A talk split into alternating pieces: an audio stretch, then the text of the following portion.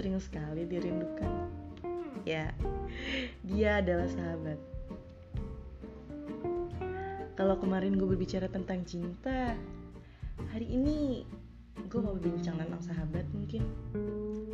Berbagai macam jenis pertemanan, berbagai macam sifatnya, berbagai macam juga perilakunya. Setiap malam berganti pagi, rindu selalu datang melintas tentang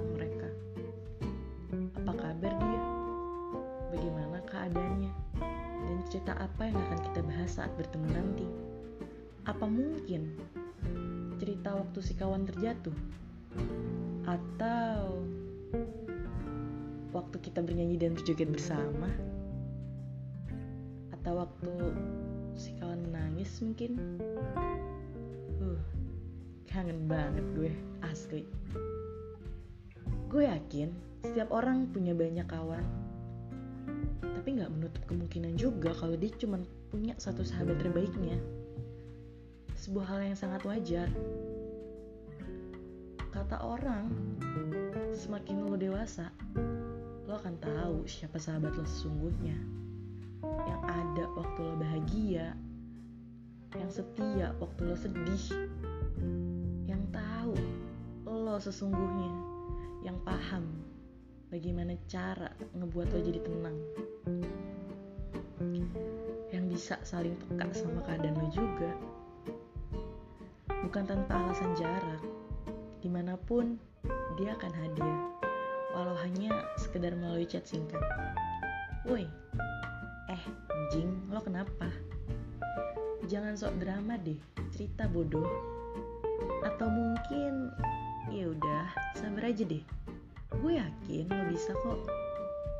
Gak usah ngerasa jadi manusia paling lemah. Temen gue hebat kok terdengar begitu kasar. Namun, pada kenyataannya dia begitu peduli.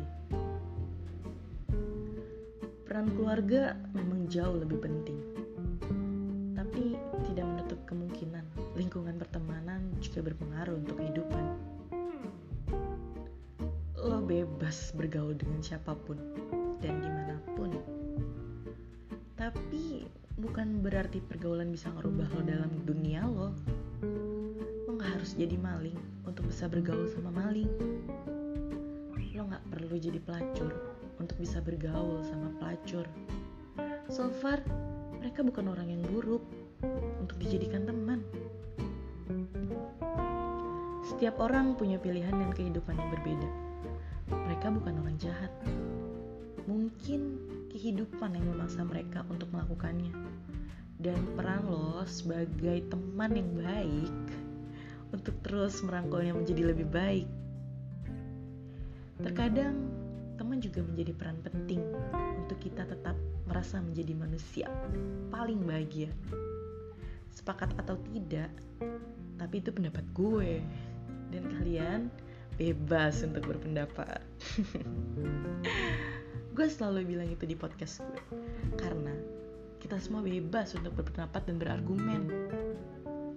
Nah, itu salah satunya saat kita punya banyak teman kita jadi punya banyak wawasan banyak ilmu dan banyak menemui hal-hal baru bahkan kadang plusnya nih kalian jadi lebih mudah untuk memahami karakter seseorang saat berbincang ya begitulah si teman gak ada teman yang jahat kok mungkin ada cara atau langkah yang berbeda membuat semuanya terlihat jahat.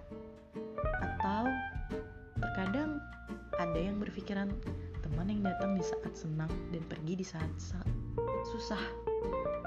Coba deh, positif aja.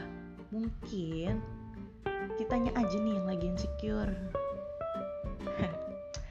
Oke deh, cukup sampai di sini dulu podcast gue yang lagi rindu sahabat-sahabat gue. Wah,